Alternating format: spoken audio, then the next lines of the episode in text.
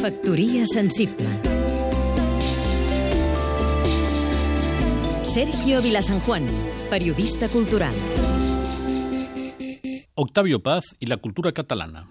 Un dels grans eixos d'universalització de Barcelona ha estat sempre la literatura hispanoamericana. Entre els autors que han mantingut una relació especial amb la ciutat figura Octavio Paz, el centenari del qual s'està celebrant.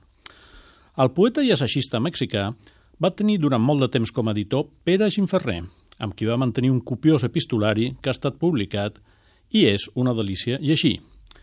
Però molt abans d'això, Paz havia establert vincles forts amb Catalunya.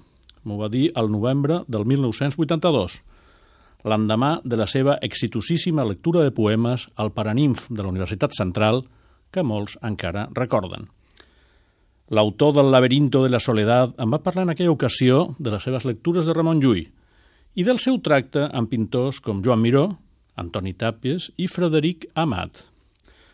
Però em va explicar sobretot que un dels seus millors amics d'adolescència havia estat un jove anarquista català, José Bosch, més tard desaparegut en la Guerra Civil Espanyola. I com va conèixer després el poeta Josep Carné, qui representava als seus ulls un sentit de l'ordre i de la proporció que li semblava característicament europeu.